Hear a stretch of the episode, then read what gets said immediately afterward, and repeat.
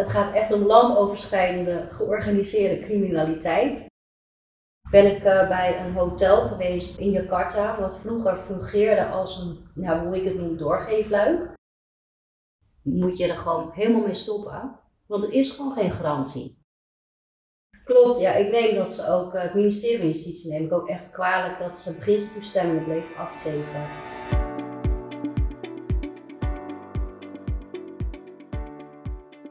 Welkom bij Pink Cloud Project.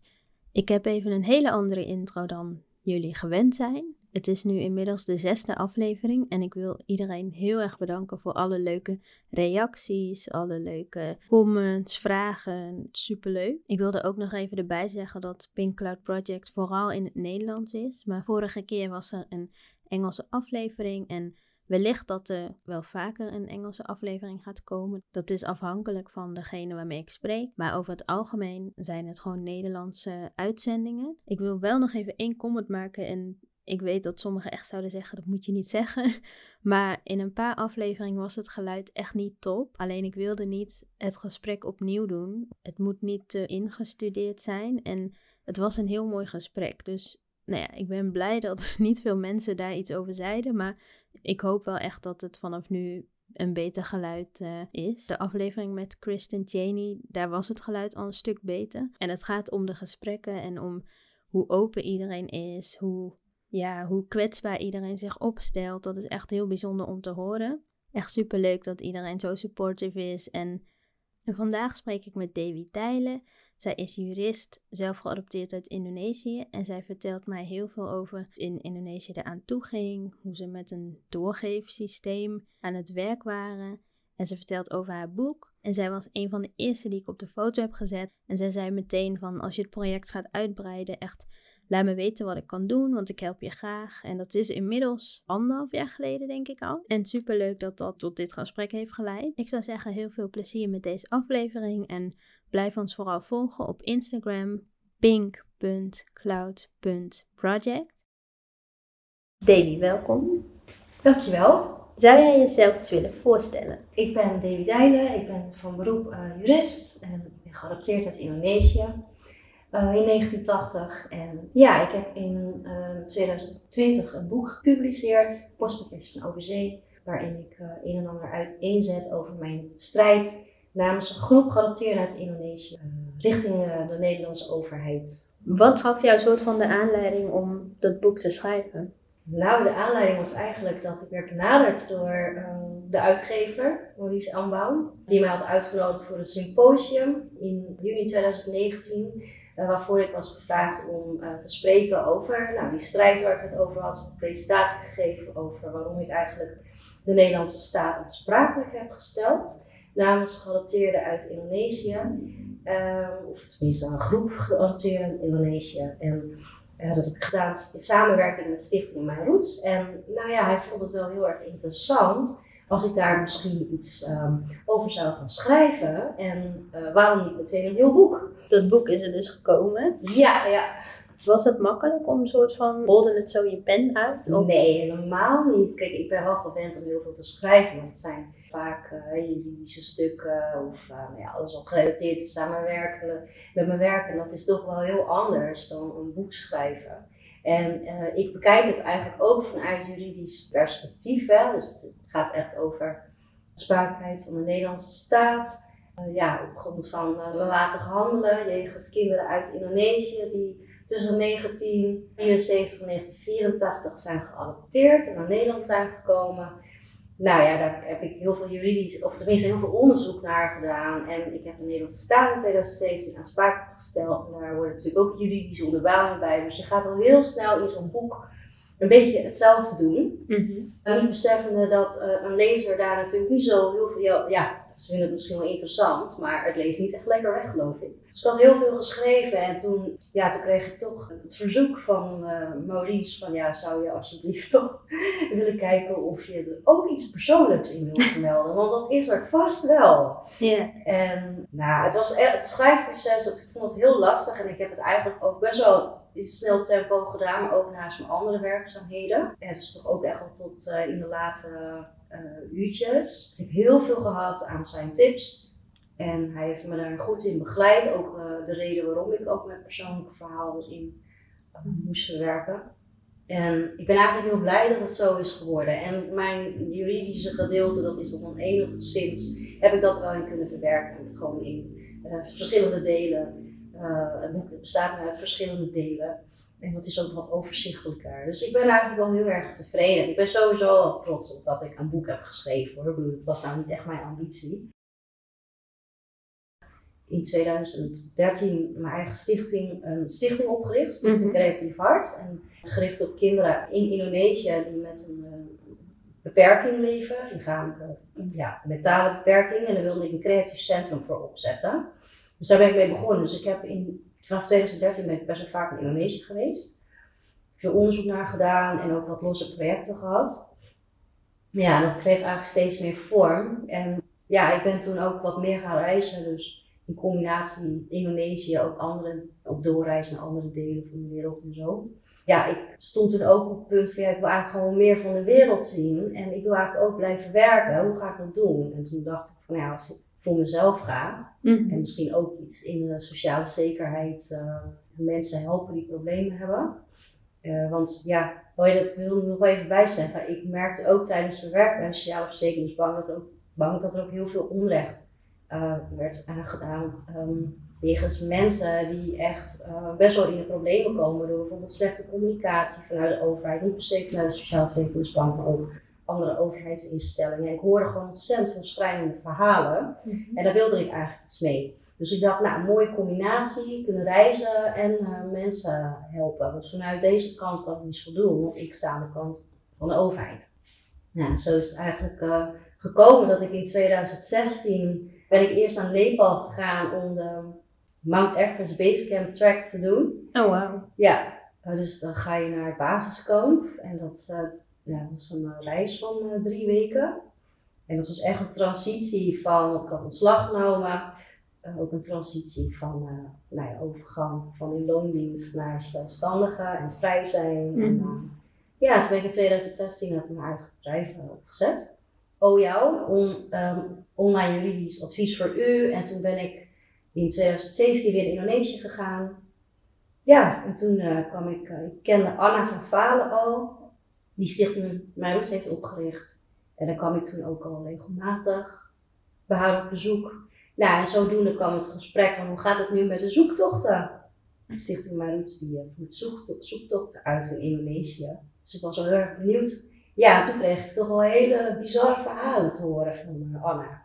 En heb je ook zelf je zoektocht daar gedaan? Of heb je nog geen zoektocht? Nou, ik heb wel een zoektocht gedaan. Ik heb in 2010, ben, nou, ik heb eigenlijk nooit echt de behoefte gehad om te weten wie mijn biologische moeder is. Mhm. Dus ik heb daar niet heel, niet heel erg bewust ja, daarbij stilgestaan. Wel, nou, dat heb ik ook in mijn boek geschreven. Ja.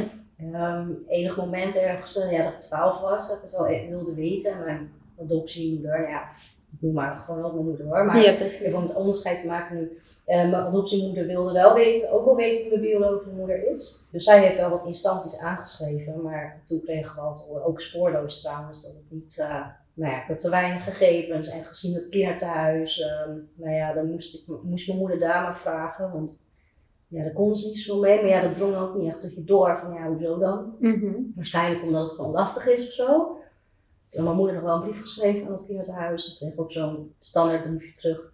Met, ja, we hebben wel gezocht, maar niet gevonden. Hebben jullie nog wat geld? Want uh, we hebben hier nog kinderen die niet zijn geadopteerd en zo. Dus dat... Oh, wow. uh, dus ik heb het eigenlijk een beetje laten zitten toen. En pas toen mijn vader overleed in 2009, toen kreeg ik uh, wel de behoefte om in ieder geval te weten waar ik vandaan kom. Dus niet zozeer ook even mijn biologische moeder, maar of mijn biologische ouders. Mijn biologische vader heb ik eigenlijk nooit uh, enige emotie bij. Mm -hmm. Ja, dus in 2010 ben ik eigenlijk mijn roetsreis gaan maken. Een maand lang in Indonesië en ook in het kinderthuis waar ik vandaan kom, in Jakarta, heb ik ook een paar nachten geslapen. Dat is echt onwijs weird. Ik weet nog echt dat ik daar in bed lag en dat ik dacht van, jee, mag je lag ik toen? Maar achteraf kwam ik achter dat ik daar helemaal niet heb gelegen. Oh. Maar ja, ja, dat is echt Zo vet emotioneel en dan oh. Oh, hmm. toch niet. Nee, toch niet. Ja, dat was een beetje stom. Oh wow. Ja, maar goed, ik heb, um, toen ben ik er wel een beetje achter gekomen dat het beter was dat ik niet kon verder zoeken. Is dat ook waardoor je dan later dus bij Anna nieuwsgierig was hoe de zoektocht ging? Nou, eigenlijk niet eens. Ik, heb dat, ik had dat ook een beetje weggestopt. Uh, in 2010, uh, dat ik daar was geweest, was ik heel kwaad op wat ik toen te horen kreeg in het kinderthuis. Daar werd mij dus ook echt al verteld over illegale praktijken. En dat mensen ook werden betaald om net te doen alsof ze moeder waren. En getuigen. En eigenlijk drong het allemaal niet erg tot me door. Want ja, ik was gewoon flabbergasted. Mm Ik zit hier in mijn eentje en ik weet mijn god niet wat ik met me doen. En hoe moet ik dit, ja, wat moet ik met het verhaal? Ik wilde het ook niet tegen mijn moeder vertellen, want die, ja, mijn vader is ook net overleden. En dan kom je met zo'n verhaal. En ik was eigenlijk gewoon ontzettend kwaad op uh, Indonesië, van hoe kunnen jullie in kinderen handelen? En nou ja, tot zover waren mijn gedachten eigenlijk. Ik wilde ook niet echt meer verder reizen, maar ja, ik ben even goed nog verder op doorreis gegaan. En toen ik dus in 2017 met Anna bij haar in Surabaya in de tuin zat, toen vertelde ze dus ook allemaal dingen die ze tegenkwamen. Dus ook DNA, DNA-test, dat het een moeder niet bleek te zijn. Mm. Nou. Goed, ze vertelde allemaal dingen dat ik dacht van, hè, dat heb ik ook al vernomen in 2010. En toen kwam het eigenlijk voor het eerst weer een beetje bij mij op. Ja. Tenminste, heel erg ehm, bewust. Ik heb in 2015 nog wel eens een moment gehad dat ik een ontmoeting had met iemand die ook we hadden het er ook over. En toen dacht ik ook van, er kloppen gewoon dingen niet. Maar dan stop je het weer weg op de een of andere manier. Ja. Ja, ja dus ik, ik had het gevoel, ja, wat kan ik ermee? Ja, zoiets ongrijpbaars. Of zo. Ja, nee, snap ik wel. Maar ja, ik, toch heb je, omdat je ook zegt dat je inderdaad, wat je net al zei, niet tegen onrecht kan. Hoeft het nog niet eens per se te zijn dat je dus met je zoektocht, omdat je zelf aan het zoeken bent en dat lukt niet, maar ook gewoon het feit, waarom lukt dat niet en waarom hoor je al dat soort nou ja, afschuwelijke verhalen. Ja, nee, dat klopt. Je eigen verhaal, dat wordt natuurlijk ineens veel breder getrokken. Want het is niet alleen ik, het zijn ineens, uh, en ook niet een paar waarvan ik ook al wist dat er iets niet in de haak was. Zoals een kennis van me die ook twee jaar ouder bleek te zijn. Het hm. zijn dan allemaal kleine stukjes die je dan steeds hoort. En ineens wordt het groter en groter. En dan denk je, hey, wacht eens even. Je denkt misschien dat het uh, een uitzondering is. Maar uiteindelijk denk je van volgens mij is het geen uitzondering. Het is gewoon met regelmaat gebeurd, lijkt het wel. Toen, ja, omdat ik eigenlijk ehm, nog niet zo heel veel werk had, was ik net voor mezelf gestart. En echt nog opbouwende. dacht ik, ga eens onderzoek doen. Van hoe kan het dat wij hier, nou ja, wij, geadopteerde kinderen, in Nederland zijn gekomen. Uh, terwijl er heel veel dingen niet kloppen. Wat, wat was er eigenlijk aan wetgeving? Hè? Verdiep je er helemaal niet in, normaal gesproken. Want ja, dus ik ging eens kijken van welke regels en procedures er allemaal uh, toen uh, golden. En ja, toen kwam ik er eigenlijk achter dat er helemaal niet zoveel regels uh, waren voor interlandelijke adoptie. En ja, toen stuitte ik toch wel op heel veel dingen. Ook Tweede Kamerhandelingen, waar ik gewoon echt veel waarschuwingen zag. Al vanuit Tweede Kamerleden die echt zorgen uiten over nou ja, illegale praktijken en. Mhm. Nou ja, en toen dacht ik echt van wacht eens even. Uh, want Anna vertelde mij toen ook van ja, dat heel veel geadopteerden best wel een zoektocht willen doen, maar het kost ook gewoon geld. Ja. En dat weet ik ook nog, dat ik in 2010 even bij het film had aangeklopt, omdat, ze, ja, omdat ik wel wilde zoeken. 500 euro. 600 voor Indonesië. Oh, voor Indonesië was echt 600 euro. Ah. Ja, dat, ik weet niet precies waarom dat zo duur was daar. Maar ik had het idee, nee, ze kunnen mij helemaal niet verder helpen. Samen ook zelf gegaan. Anna die vertelde mij ook, en dat herken ik omdat ik ook bij het film ben geweest. En 600 ehm, euro moest betalen voor een zoektocht. Dat een zoektocht gewoon geld kost. En veel geadopteerden die kunnen dat niet betalen. Dus toen zeg ik ook tegen Anna van, ik kan misschien kijken of ik kan helpen voor een fonds of zo. Of voor, een, voor subsidie daarvoor. Of nou ja, maar goed, toen ben ik dus bezig gegaan met het onderzoek van hoe komen wij hier allemaal terecht, eh, terwijl de dingen gewoon niet goed zijn, blijkbaar. Leeftijden en zo. En uh, ja, moeders die moeders niet blijken te zijn. Toen dacht ik, het is eigenlijk wel raar als er helemaal geen wet en regelgeving was. In ieder geval voor geadopteerd Indonesië in die tijd uh, was er niet, ook geen WOPCA en ook geen Haagse adoptieverdrag. Niet dat dat het nou helemaal is, juist niet. dat is misschien nog veel erger. Maar uh, denk ik, ja, hoe kan je nou kinderen binnenhalen zonder regels? Of ja. echt, er waren wel procedures, maar die waren blijkbaar heel makkelijk te omzeilen. Dat bleek ook wel uit die uh, Tweede Kamerhandelingen. Toen dacht ik, het is toch eigenlijk belachelijk dat wij dan moeten zoeken naar wat er is gebeurd en dat we ervoor moeten betalen. Terwijl er blijkbaar gewoon een zootje van is gemaakt. En dan had ik het niet eens zozeer over mezelf, omdat ik uh, mijn eigen zoektocht gelukkig wel kon financieren. En ik ook niet zo'n hele erge behoefte had om er nou echt uh, alles op alles te zetten. Mhm. Want ik wilde eigenlijk alleen maar weten uh, welke, uit welke omgeving ik vandaan kwam. Maar dat was eigenlijk al, dat was al een hele grote vraag. Want nu kan ik zelfs twijfelen over of ik, en gerechtvaardigde twijfels hebben over of ik wel in Jakarta ben geboren. Terwijl het wel op je geboorte staat. Op mijn geboorteakte staat. Of tenminste, het is een fotje hoor. Het is niet echt een geboorteakte of zo. Dus ehm, ja, dat is best wel een puzzel die mensen moeten oplossen. En toen dacht ik van, weet je wat? ik ga de Nederlandse staat aansprakelijk stellen. Why not? en dat heb ik afgestemd met eh, Stichting Mairut. Mhm. eh, om dat ook namens Stichting Mairut te doen. Nou, sindsdien eh, zitten we eigenlijk in, zo in die rollercoaster. Ja. En ja, er is ontzettend veel gebeurd. En dat heeft inderdaad ook echt te maken met wat je net eh, zei over het onrecht. Ehm, het betreft zo'n hele grote groep. En, blijf, en het is dan ook weer wat ik ook wilde om mijn eigen bedrijf op te zetten. Van eh, vechten voor mensen of opkomen voor mensen ehm, die problemen hebben met de overheid. Of waarbij de overheid eh, ja, ik vind, ja, macht misbruikt. Mhm. Ehm, en ja, vaak of dus wel een schip vallen of geen poot op hebben om op te staan of niet weten wat ze kunnen doen. Ja, en ik dacht van nou, dit is eigenlijk ook een beetje zoiets. Ja. Maar dan doe ik het niet vanuit mijn werk, maar gewoon ook hè, vrijwillig. Want ik heb alles wat ik heb gedaan in deze uh, zaak, heb ik in mijn vrije uren gedaan. Je bent al drie jaar nu vrijwillig. Uh, vanaf 2017 ja. Oh ja, langer dus. Ja, ben ik eigenlijk vrijwillig. Ja, dat is een stichting, maar het is natuurlijk ook alles op vrijwillige basis. En Ja. Ik ben dan geen stichting zelf, maar ik uh, doe dit wel als uh, vrijwillige ja, actie. Ja, absoluut. Want dat geeft ook wel heel veel energie. En het geeft ook uh, voor mij het idee van ja, ik, ik, weet je, het gaat mij niet om geld. En ik wil Mhm. absoluut daar helemaal niets voor hebben. Nee. Zeg maar helemaal niet. Kijk, ik help ook geadopteerden op weg. Dus ik krijg ook vragen van hoe kan ik mijn dossier opvragen bij de kinderbescherming. Of waar moet ik terecht met dit of met dat. En door de jaren heen heb ik best wel veel geadopteerden al ja, geholpen. Ja. En natuurlijk ook gewoon kosteloos, want ik weet hoe het is.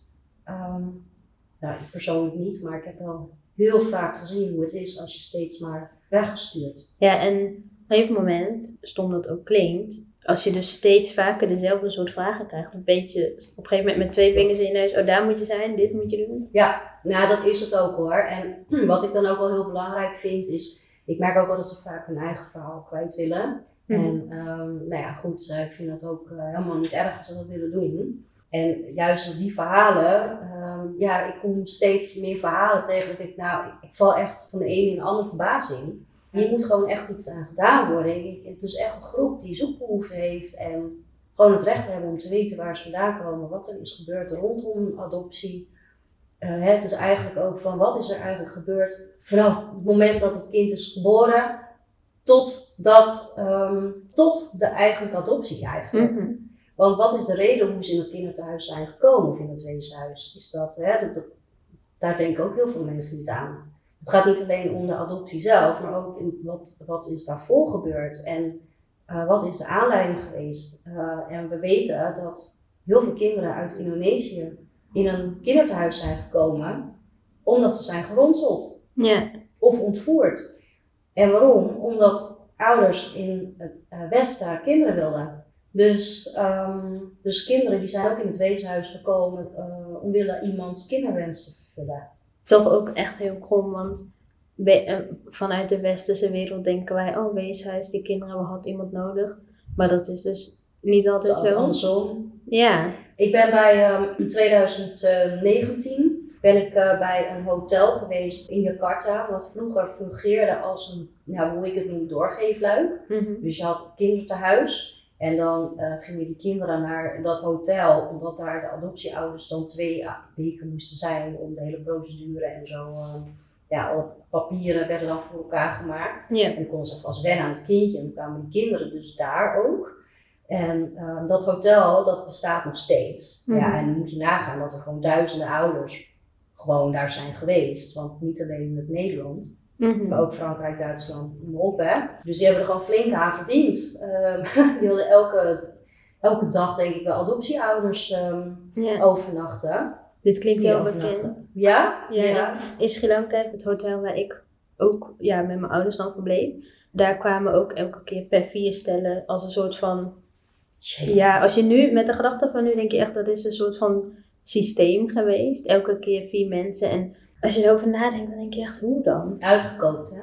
Ja, 2019 dus, was in het hotel in het doorgeefluik. En daar ben ik wel achter gekomen. Ja, en dat wist ik natuurlijk al. Want Stichting Maroes heeft die hele, het hele adoptienetwerk eh, in Indonesië eigenlijk in kaart gebracht. En eh, ja, er komt steeds meer bij natuurlijk. Mhm. Ehm, maar het is, het, ik heb ook toen al aangegeven in, in die aansprakelijkstelling. Het gaat echt om landoverschrijdende georganiseerde criminaliteit. Want eh, zowel eh, partijen in Indonesië als in Nederland, ja, die waren erbij betrokken. In Nederland adoptiemiddelaars, in Indonesië dus had je de kinderronselaars, je had de mensen in het kinderthuis. Je had de mensen die alle documenten regelden voor de mensen, ehm, adoptie, de aspirant adoptieouders in Nederland. En ik heb dus eh, gesproken met ehm, de huidige eigenares van het hotel, van het doorgeefluik, wat nog bestaat. Haar vader is overleden. Je ziet die man ook echt bij iedereen die uit dat kinderthuis komt, echt in, in fotoboeken en zo. Mhm. Weet je. Het was zo'n aardige man, eigenaar. Nou, ja, goed, die dochter is inmiddels ook al 70, geloof ik.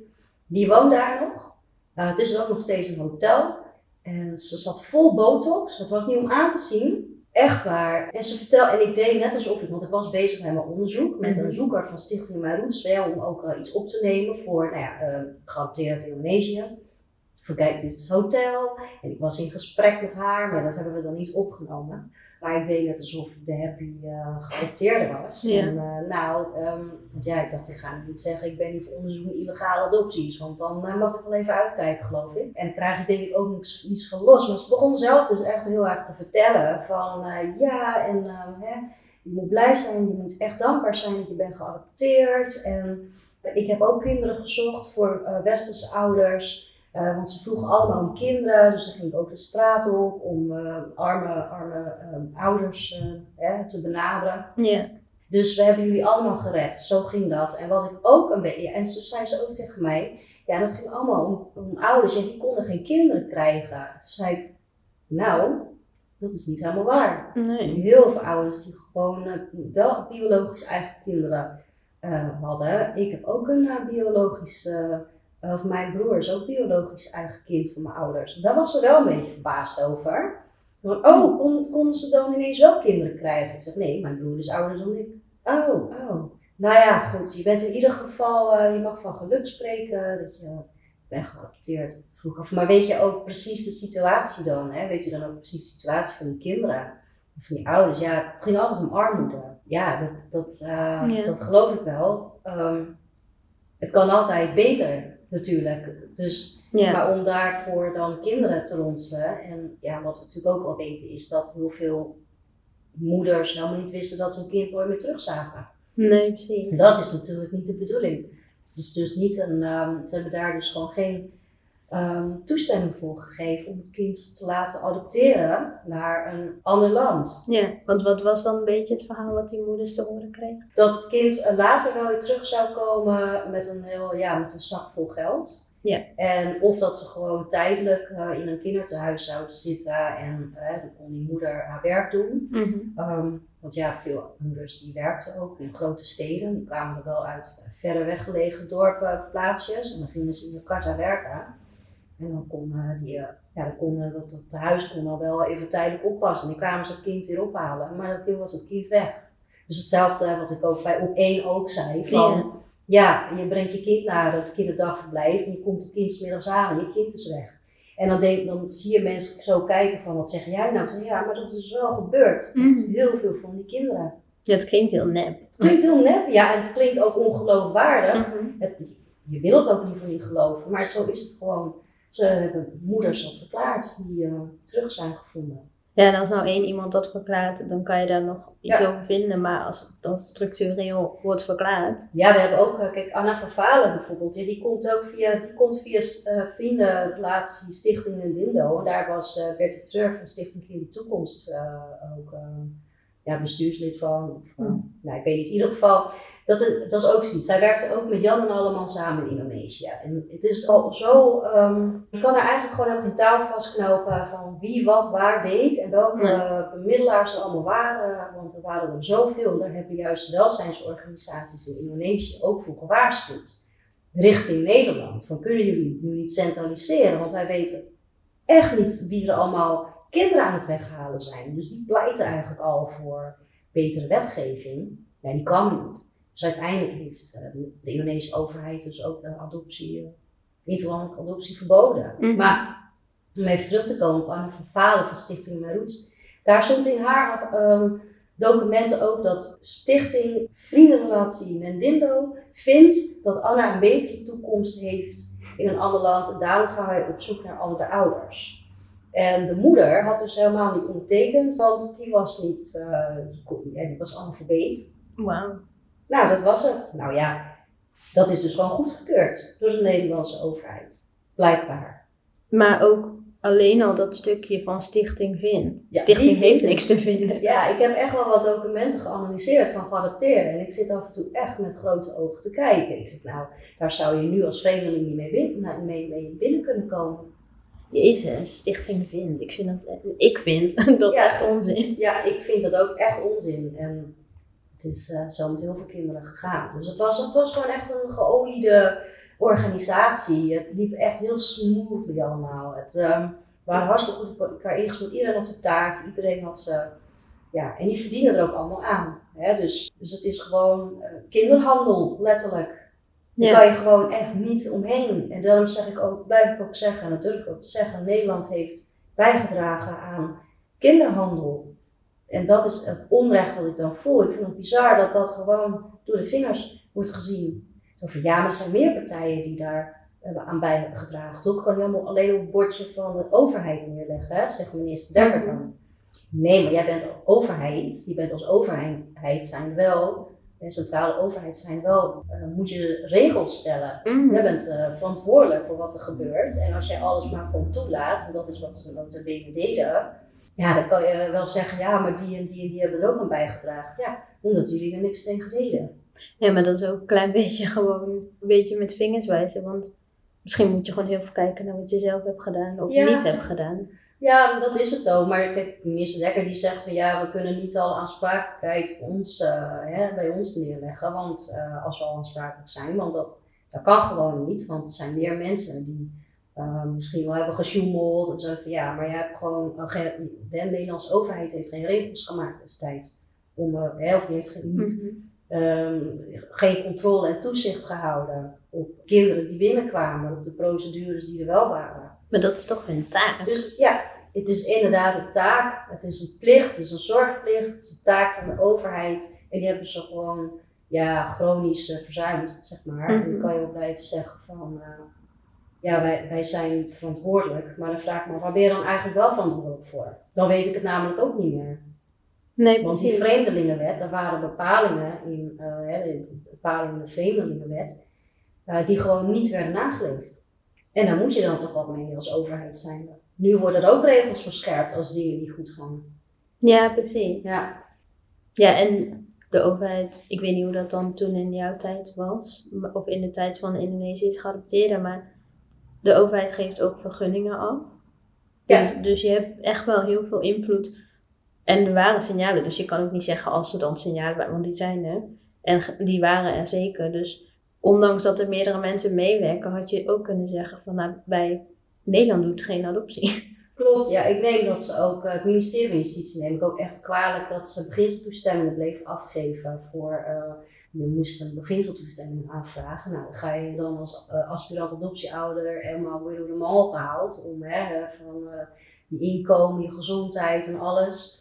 Uh, maar je moet ook kijken van uh, wat, wat, ja, wat er in dat land aangebeurt, dat maakt ons niet zoveel uit. Ja, het lijkt mij dat je ook wil weten uh, hoe, in welke omstandigheden kinderen in Nederland binnenkomen. En um, ja, dat vind ik ook wel belangrijk, dat als je die signalen al hebt, dat je dan eigenlijk zegt van ja, we geven geen beginselstoestemming af voor Indonesië, hè, voor, in dit geval dan. Want we weten dat het daar niet helemaal goed gaat. Hè, vervalsingen van geboorteactes en zwendel met afstandsdocumenten. Dus tot nader onderzoek geen beginseltoestemming voor een kind uit Indonesië. En dat, ik, dat neem ik ze kwalijk en dat heb ik ook in die aansprakelijkstelling ook zo verwoord. Mm je op de preventief toezicht op moeten doen. Eerste aansprakelijkheid was in 2018 die je deed? 2017. Namens, oh, 2017 al. Ja. Namens um, Stichting Mijn Rood. Ja. En later heb je nog een keer een aansprakelijkheidstelling gedaan. Ja, klopt. In 2021, ehm, dus dit jaar. Ja. Uh, ja, dat uh, klopt. Dat heb ik uh, gedaan naar aanleiding van um, de resultaten van, ja, van de resultaten van het onderzoek van de commissie Joustra. Mm -hmm. Van adopties in het verleden. Dat was inderdaad zoals de kop in de kranten al spraken, een snoeihard rapport. En ja, daar stond ook eigenlijk alles in wat we al jaren verkondigen. Dus het was een hele heftige gebeurtenis, vond ik eigenlijk wel. Uh, in alles wat ik tot dan toe had meegemaakt. En met betrekking tot die strijd. En ja, heel heftig. En voor mij, ja, het is gewoon ontegenzeggelijk bewezen voor mij dat de Nederlandse overheid, dus, of het ministerie van Justitie, aansprakelijk is. Ja, zo in die lijn trek ik dan door.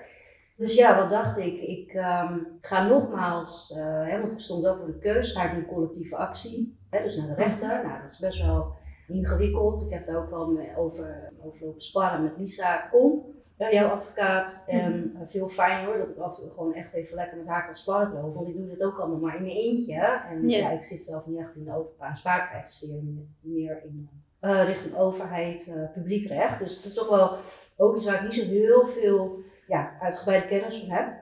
Maar ja, ik dacht, uh, collectief actie kost ook heel veel geld natuurlijk. En ja, daar moet nog even over nadenken. Maar ik dacht, nou, ik kan nu een nieuwe aanspraak stellen. Of tenminste, ja, een, om, met het verzoek om de afwijzing van de eerdere aanspraakstelling in 2018 te herzien. In 2018 hebben ze toen afgewezen. En ik dacht van, nou, naar aanleiding van het rapport van de commissie daar kunnen jullie er nog eens met een frisse blik naar kijken misschien. Mm En ik dacht van, uh, daar doe ik even een oproep voor. En toen kwam ook uh, een, interview met mij uh, in Trouw. En de journalist had gezegd, ja, die is ook verhalen aan het verzamelen voor uh, de aansprakelijkstelling richting de overheid na aanleiding van het rapport. Maar ze had er niet bij gezet dat het alleen voor Indonesië was. Dus ik kreeg allemaal vragen van geadopteerden. van mag ik ook mijn verhaal delen? Mag ik ook meedoen? Nou ja, eigenlijk is het bedoeld voor Indonesië. Maar ik dacht, ja, wat de hek. Ja. Het is eigenlijk, uh, geldt het gewoon voor iedereen. Dus, maar toen heb ik het, het is wel heel, ja, het was juridisch wat lastiger natuurlijk, omdat ik wel heel goed weet over Indonesië wat er allemaal niet goed is gegaan. En natuurlijk weet ik in het algemeen ook wel wat voor andere landen niet goed is gegaan. Maar ik richt me wel echt specifiek op bepaalde procedures die wel voor kinderen uit Indonesië horen. Mhm. En ook al wat de Nederlandse overheid wist precies over Indonesië. En dat weet ik niet helemaal goed van andere landen. En ik dacht, ja, ik ga daar als ik dat helemaal moet uit gaan zoeken, ja, dan ben ik echt uh, fulltime bezig. En dat lukt gewoon niet. Dus ik heb het zo gedaan. Ik heb gewoon een aansprakelijkstelling uh, weer namens uh, de groep geadopteerd uit Indonesië. Mhm. En dan heb ik ook uiteindelijk 105 verhalen wow. van geadopteerden. Ja. Ik heb uiteindelijk ook gezegd stop. Want ik kreeg echt zoveel binnen, maar het was ook nog een heel ja, karwei om ze allemaal door te nemen. Yeah. Sommigen hadden echt een heel boekwerk letterlijk meegestuurd. Oh, Maar ik vond het wel heel bijzonder dat ze mij daar ook in vertrouwen uh, namen. En uh, het was ook mijn idee om dat hele, ja, om alles naar de Tweede Kamer te sturen en zo. Ik dacht, nou, met deze verhalen moet ik het toch wel even redden. Ik kan natuurlijk nog wel een jaar doorgaan, dan heb ik straks duizenden. Maar yeah. ja, en dat was dan eigenlijk meer een gezamenlijk statement. Van ja, wij onderschrijven dat de Nederlandse staat aansprakelijk is, dus het zou ook moeten gelden voor alle andere landen. Nou ja. Um, want ik had ook echt landen, ook, mensen uit Thailand, Thailand en uh, mensen uit uh, nou, China ook. Veel meer landen dan alleen de vijf landen die door de commissie Joustra zijn onderzocht. Ook nog van drie belangenorganisaties, de Stichting Maroet, Plan Angel en Chapla. Die hebben ook meegedaan met het gezamenlijk statement. Dus ik had eigenlijk drie onderdelen. Nou, dat hele pakket heb ik in een grote doos uh, naar de nou, ministerie van Justitie gestuurd. En eigenlijk was ik van, nou, daar kan je toch niet omheen. Terwijl ik wel dacht van ja, er lopen ook nog wel zaken. Ik denk niet dat ze ineens uh, gaan toehappen. Dus uh, jullie het gezien, dacht ik, uh, die gaan echt een voet bij stuk houden. En die gaan natuurlijk niet aansprakelijkheid herkennen. Maar goed, ik had ergens stille hoop. En ik was dan ook wel weer een beetje, het verbaasde me niet, maar aan de andere kant was ik ook wel, wel teleurgesteld. Heb je zo'n rapport. En dan nog zeg je eigenlijk keihard van ja, wij zijn niet aansprakelijk. En ze verwijzen dan ook naar dat, hè, dat expertisecentrum wat wordt opgezet. Mhm. En dat is dan in lijn met de aanbevelingen van de commissie Jouwstaan. Dat is echt het stokpaardje van minister Dekker. En dat trekt hij dan 26,4 miljoen naar vooruit. Terwijl ik vind, ja, steek even geld in zoektochten. Het gaat om waarheidsvinding, het gaat om soms misdaden oplossen. Hè, want het gaat ook om eh, eh, ja, strafbare feiten die zijn gepleegd.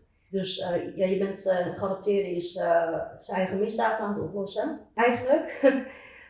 zo zie ik het. En dat moet je dan maar zelf betalen, omdat de Nederlandse overheid het vertikte om um, ja, toezicht en controle te houden. Dus, dus dat expertisecentrum dat gaat er komen, maar daarvoor is niets, hè, dat is niet bedoeld voor financiering voor individuele zoektochten. Terwijl dat toch echt wel even nou, behoorlijke prioriteit is. Vooral voor werken zoals geadopteerd uit Indonesië. Dat zijn allemaal mensen die tot 1984 hier zijn gekomen. Dus die zijn allemaal, um, ja, de oudste is misschien 48 of zo. Ja, het, zijn allemaal um, mensen die al allerlei fases in hun leven hebben doorgemaakt. En graag meer willen weten over hun afkomst.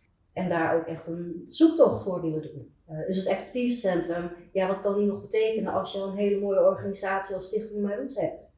Die daar al uh, ja, alles uh, voor doet om het garanteren van A naar B uh, te helpen. Maar ja, die, het kost ook geld. Dus geef gewoon geld, een bepaald bedrag, zodat de gegaranteerde kan zoeken. Ja. En hoeft niet per se via een stichting, maar ook zelf. Ik vind daar heeft iedereen recht op. Een basisbedrag in ieder geval. Dus ik heb alsnog na die afwijzing, dus na die tweede afwijzing, toch nog een brief gestuurd omdat ook op 9 juni was een commissiedebat in de Tweede Kamer over adoptie. En er waren toch ook wel Tweede Kamerleden, die, uh, want ik ben natuurlijk ook heel erg bezig geweest in die actieve, of, uh, actief geweest in die uh, politieke lobby, om samen mm. met anderen, zoals nou ja, van Angel en anderen, garanteren om dat toch los te krijgen. En die Tweede Kamerleden zijn Tweede Kamerleden die ook echt wel ons standpunt onderschrijven. En die hebben er ook vragen over gesteld. Dus ik dacht, nou, naar aanleiding daarvan, dat minister Dekker had gezegd in dat debat, van nou, ik kom er dan in het najaar op terug in een brief nog, nog een brief schrijven. Heb ik ook wat fondsen uiteengezet die al bestaan. Ook voor slachtoffers. En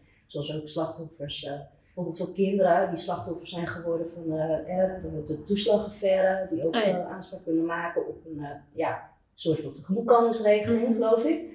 Nou ja, goed, ik heb wat fondsen op een rij gezet. Waarom dat niet ook voor geadopteerden? Of die willen zoeken naar waar ze vandaan komen. Maar goed, me onlangs ook weer een afwijzing op gehad en weer verwezen naar dat expertisecentrum. Dus op een gegeven moment ja. het is een beetje, ja, ik, ik weet niet precies hoe dat allemaal gaat, dat, die voorbereidingen. Maar ik had het ook in een eerdere podcast over, dat het is een beetje lastig als je wordt verwezen naar iets wat nog niet bestaat. Ja, dat is heel lastig. En het is ook lastig als je eigenlijk helemaal geen...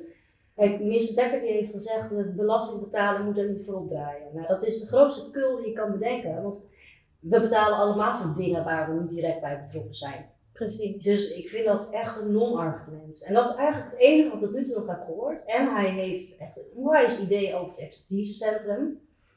Uh, wat inderdaad, wat je zelf zegt, totaal onduidelijk is. Hè? Want er zijn nu allemaal mensen die erover na aan het denken zijn. Terwijl het niet bedoeld is voor financiële tegemoetkoming.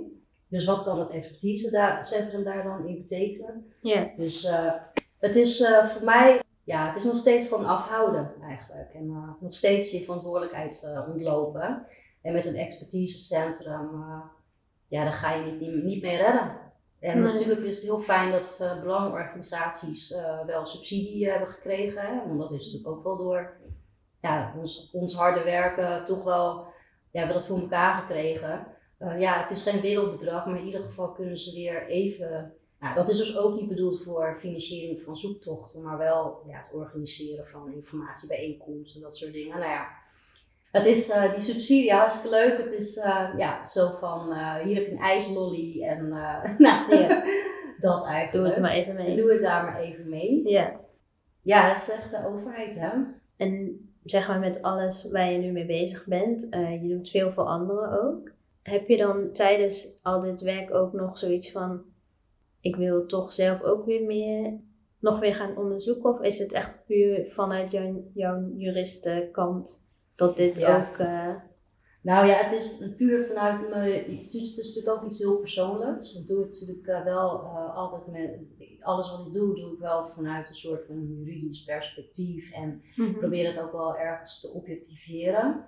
Het probleem, want het is gewoon een groot probleem. En uh, niet alleen subjectieve gevoelens komen er bekijken, maar het is ook gewoon onrechtmatig wat er is gebeurd vind ik. Het is ook wel eens lastig. Soms, uh, ja, ik heb dan ook um, ja, dat ik soms dat nog wel moet soort van verdedigen tegenover mensen.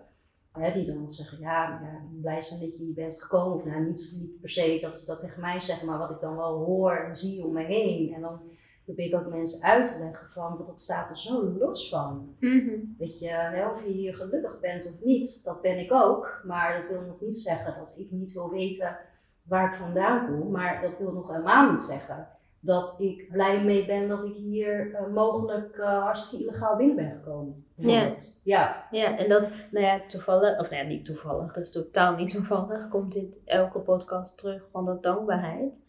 Maar er is ook iets wat bij mij, zeg maar, naast dat dankbaarheid ook omhoog komt. En dat is contact met je adoptieouders. Want ik heb het idee, want weet je, iedereen heeft een verschillende ervaring. Sommigen zijn echt misplaatst en hebben echt geen goed contact. Sommigen hebben supergoed contact, sommigen, nou ja, een beetje wisselend. Maar bijvoorbeeld, ik heb een hele goede band met mijn vader. En ik heb het idee dat het soms pas oké is als je zo hard strijdt, als je, als je bijna, dat ze dan verwachten dat je dan ook soort van in de goot moet liggen of zo. Ik, ja, ik, ja ik ben bijvoorbeeld heel benieuwd hoe, hoe, ja, hoe dat bijvoorbeeld voor, voor jouw moeder is. Want ik weet dat jullie ook een hele goede band hebben. Ja. Hoe is dat bijvoorbeeld voor haar dat jij, um, even terug naar dat hele onderzoek in Indonesië. Hoe was dat voor haar? Ja, ik, dat, dat, dat ik, um, ik, moet, ik moet ook erbij zeggen dat ik dat onderdeel beschreef uh, in mijn boek. Daar heb ik zelf ook wel even wat uh, traantjes moeten wegpinken. Want ja, dat schrijfproces maakt ook weer heel veel los. En ik weet nog wel dat ik vertelde tegen mijn moeder van waar ik allemaal ben achtergekomen en wat er speelt. En dat ze gewoon echt, uh, nou dat was zo emotioneel. Ze, ze reageerde eigenlijk meteen van wat verschrikkelijk. En als ik dit had geweten. En eigenlijk geen moment van, um, oh ja, maar dat is bij jou niet uh, gebeurd hoor. Of meteen in de verdediging of goed praten. Nee, helemaal niet. Ze is echt meteen... Um, ja, ze heeft echt aange ze heeft gezegd van ik, uh, ik strijd met je mee hierin, wat je ook doet, ik sta achter je. En ze is bijvoorbeeld ook dat ik in 2018 die demonstratie heb georganiseerd met belangenorganisaties. Uh, was zij er ook, stond ze met een bord uh, adoptiebedrog. En heeft ze ook gewoon op Hart van Nederland verteld wat ze ervan vond. En laatst ook heeft uh, Deutsche Welle heeft haar geïnterviewd en dat was heel emotioneel. Maar ze durft gewoon ook te zeggen van dit mocht gewoon niet gebeuren. En ze zegt ook, het kan me niet schelen als mensen mij naïef noemen of uh, dat ik misschien ook vanuit ideologisch uh, oogpunt iets heb gedaan wat dan, hè, van ja, waarom heb je dat dan zelf gedaan? Ze zegt, het kan me niet eens verschelen. Ik wist dat toen ook niet. Niemand heeft mij wat verteld. Ik wist helemaal niet dat die dingen speelden en dat er signalen er waren. Wij kregen gewoon beginseltoestemming mm -hmm. uh, voor een kind uit Indonesië. En we moesten het zelf maar uitzoeken. Ja.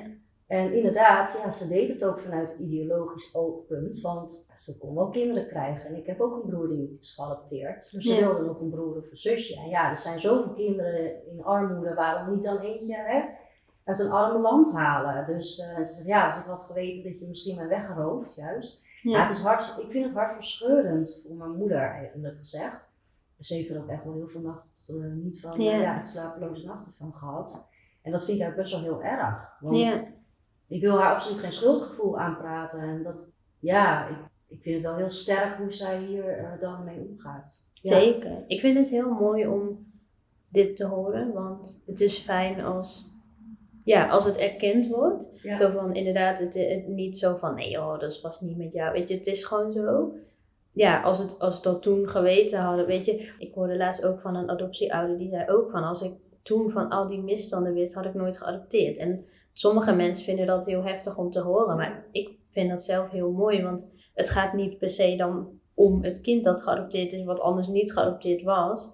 Maar het gaat meer om dat diegene om de situatie gewoon niet daarmee eens is. Dus het niet, zeg maar, of je nou wel of niet van je kind houdt, dat staat daar los van. Ja. Maar ik vind het heel mooi dat ouders, uh, adoptieouders, uh, dan soort van die zelfreflectie naar toen kunnen doen van goh, ja, wat, wat had ik anders gedaan? En ook al kan je dat niet terugdraaien, vind ik toch echt mooi dat daar wel bij stil wordt gestaan. Ja, ik vind het ook heel, ik vind het ook dapper dat ze dat durven te doen. En ja, ik vind het ook wel heel moeilijk voor mijn moeder dat ze dan dingen probeert terug te halen. Ja, het zegt in die rechtszaal ook. Uh, ja, we hoefden verder helemaal niks te zeggen. En we stonden met tien minuten weer buiten. Iemand die het allemaal regelde daar in Indonesië. We konden lekker van jou genieten. En we konden zelfs nog allemaal leuke plekken in Indonesië gaan bekijken.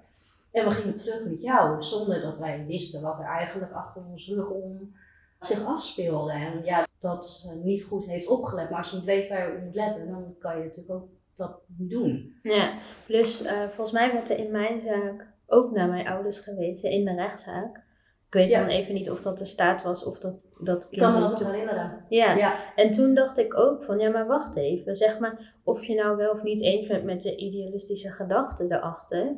Mijn ouders hebben vertrouwd op een stichting. En die stichting heeft de vergunning van de staat. Mijn ouders die hoefde ook eigenlijk niks te weten, want die vertrouwden gewoon op een, een, een stichting die alles goed zouden regelen. En nou ja, als het puntje bij paaltje komt en het is niet goed geregeld, dan is het niet mijn ouders die dan nee. Zeg maar, natuurlijk kan je, tegenwoordig moet je zelf gewoon ook heel goed nadenken wat er allemaal gebeurt. Maar ik vind het niet zo gek dat mijn ouders... Nee, ja. nee kijk, vooral nu, kijk, nu is de informatievoorziening verloopt heel anders. Ik bedoel, toen hadden ze een krant, en ik weet ook, ik heb natuurlijk heel veel krantenartikelen gelezen. Maar ja, als jij toevallig die krant niet las, ja. dan hè, er stond bijvoorbeeld heel veel ook uh, in bepaalde dagbladen, ja, dagblad in, van het noorden en zo. Ja, mijn ouders wonen niet daar, dus ja, dan lees je ook die krant niet. Dat vergunningsstelsel dat bestond niet in onze tijd. Je had de BIA. En later ging uh, Wereldkinderen vanaf 1987 uh, interlandelijke adoptie doen, maar dat deed voor de BIA.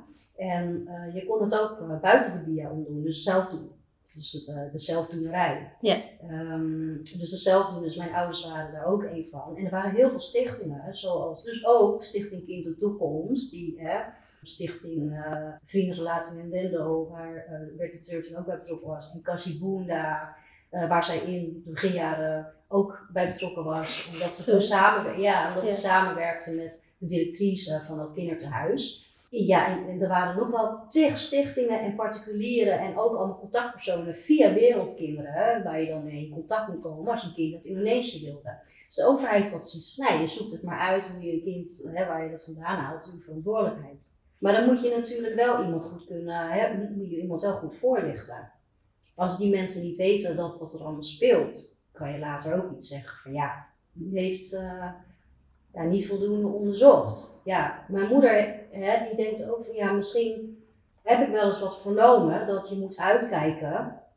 Maar je denkt natuurlijk van ja, het overkomt mij niet. Want inderdaad, uh, hey, een stichting die het allemaal regelde, want ze hadden mooie boekjes, het zag mhm. allemaal picobello uit. Ze hadden ook allemaal bijeenkomsten die ze hielden, zelfs het kinderthuis in Indonesië. Daar hadden ze goed contact mee. De directrice kwam ook wel eens naar Nederland toe.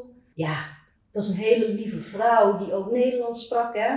Dus ja. Um, ja, dat komt toch bijna niet fout gaan. Ja, en nu blijkt het gewoon het opperhoofd zijn van een grote criminele bende.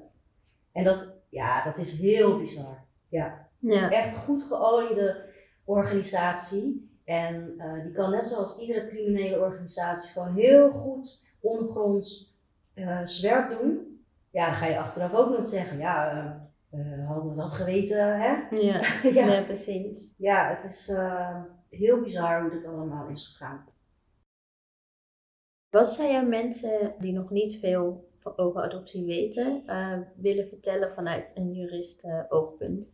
Uh, ik zou denk ik willen zeggen van verdiep je in, ja het is uh, best wel complex allemaal, omdat je in adoptie uh, zijn zoveel partijen betrokken en vooral natuurlijk waar het om gaat, het kind.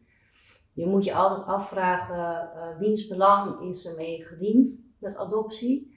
Ze zeggen hè, adoptie is voor het kind, het belang van het kind staat altijd voorop. Maar ik denk dat het belangrijk is om je af te vragen van is dat ook echt zo? En niet vanuit van omdat het hier toevallig misschien uh, beter is, want waarom is het hier beter? Uh, ja, en weet je ook zeker dat iemand of een kind vanuit armoede is afgegeven of puur vanuit dat bijvoorbeeld de moeder eigenlijk hulp nodig heeft, omdat ze graag wel, ik kan me voorstellen dat iedere moeder gewoon haar kind zelf wil opvoeden. is er dan niet een andere manier om het belang van het kind te dienen dan alleen met adoptie? Hè? Dus dat kinderbeschermingsmaatregel zou kunnen zijn dat je dan misschien een kind financiert en dan gewoon nog wel bij zijn moeder kan blijven. Want dat hebben mijn ouders ook gedaan. En ik heb die jongen heb ik ook opgezocht en ze met zijn moeder gesproken. En die heeft ook gezegd, ik ben blij dat ik mijn kind gewoon nog kon, kon zien. Ze had het vreselijk gevonden. Die vraag heb ik toen ook gesteld aan haar. Van hoe zou u het hebben gevonden als uw kind, in, uw zoon ineens was geadopteerd zonder dat u het wist? Mhm. Nee, want die zat wel in een kinderthuis. Maar mijn ouders die sponsorden dat kind dan. Ah.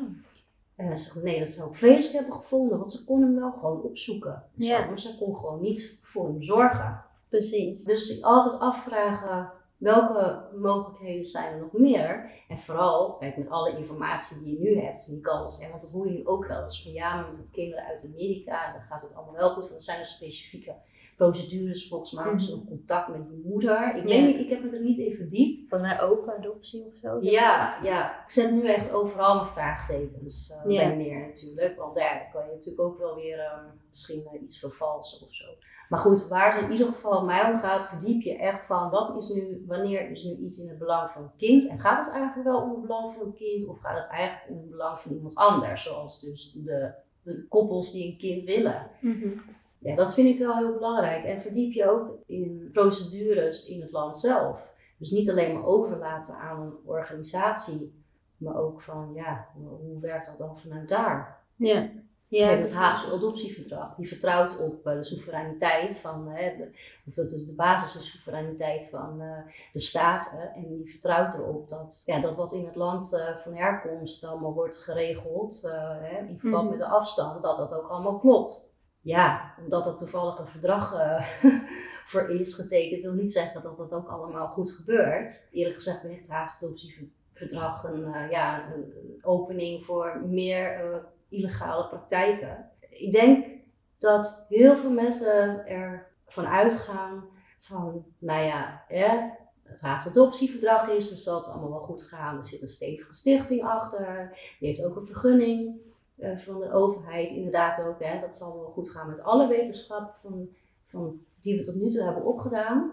En daarom zeg ik ook, ja, ik heb nooit echt gezegd, ik ben tegen adoptie. Mhm. Maar als je het, het grote plaatje, zeg ik ja, nee, eigenlijk moet je er gewoon helemaal mee stoppen. Want er is gewoon geen garantie. Het systeem klopt gewoon. Het, is, het systeem is gewoon zo ziek. En eh, het is een adoptiesysteem waar de Nederlandse overheid ook onderdeel van is. En die eigenlijk dan nog steeds, ook hè, zelf zegt, we kunnen geen garanties geven. Dus dat betekent dat je eigenlijk nog steeds bezig bent met kinderhandel. En ik denk ook van, wil jij daar deel van uitmaken? Ja, Ik denk dat dat een hele goede vraag is. ja, Wil je deel maken van een systeem wat niet gegarandeerd kan? ja, kan jij daarmee leven? En alleen omdat het eh, om kinderen gaat, nee, juist omdat het om kinderen gaat, gaat het om het kind dat uiteindelijk gelukkig eh, moet terechtkomen. En Ja. dat denk ik best in de eigen cultuur en bij de, bij de ouders zelf. Ook al zou je hier een heel mooi leven hebben gehad, want ik ben ook hartstikke blij met mijn leven hier. En alle kansen en mogelijkheden die ik heb gehad, maar ook heb gepakt. Want dat is Mhm. natuurlijk ook nog zo, hè? je moet ze ook zelf pakken. Ja. Ja, maar ik eh, heb heel veel mensen gesproken in Indonesië. En als ik zie van ja, stel je voor, als al die kinderen werden geadopteerd. Omdat ik denk van nou, wat zijn ze arm. Dus ja, je moet je echt afvragen.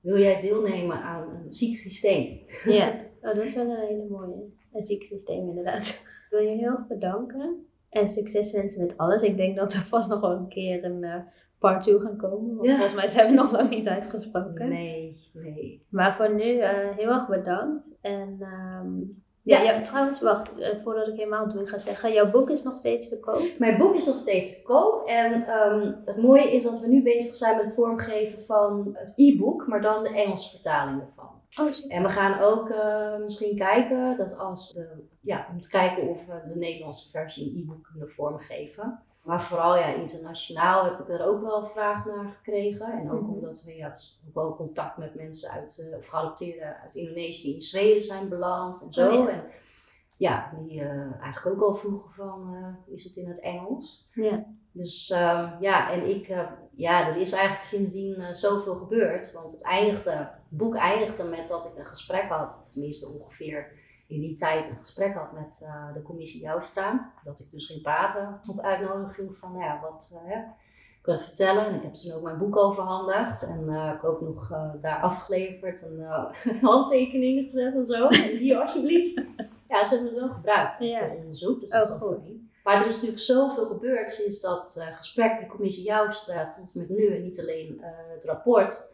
Maar ook ja, tussendoor zijn er ook gewoon heel veel dingen gebeurd in de politieke lobby. En nou ja, veel gesprek gehad met het ministerie nog en andere dingen. Ja, dus ik zit bijna te denken aan een addendum, dat er nog een stuk uh, bij komt uh, in mijn boek voor als het e-book gaat worden. Oh ja. Ja, dus uh, dan is het. en dan hoop ik dat het het boek een keer afraakt met een goed eind. Ik hoop dat het boek ook eindigt um, binnenkort. het hele boek kan gesloten worden. Dat zou ik ook wel heel fijn vinden, want het vergt ook best wel veel energie en ja. tijd. En, ja, toch alweer, ja, ook al betreft het niet uh, zo, mijn persoontje zo diep. Wel het onrecht wat me heel erg diep raakt. Maar ja, het moet een keer klaar zijn. Maar ja, we weten hoe Nederland kan zijn. Hè? Mm Die kan nog heel lang uh, doen over ja. Uh, bepaalde dingen. Ik vind al heel wat dat ze excuses hebben gemaakt. Maar ja, goed, er moet natuurlijk ook wel wat meer gebeuren. Ja. Maar goed, nou, in ieder geval bedankt. Tot volgende keer. Doei.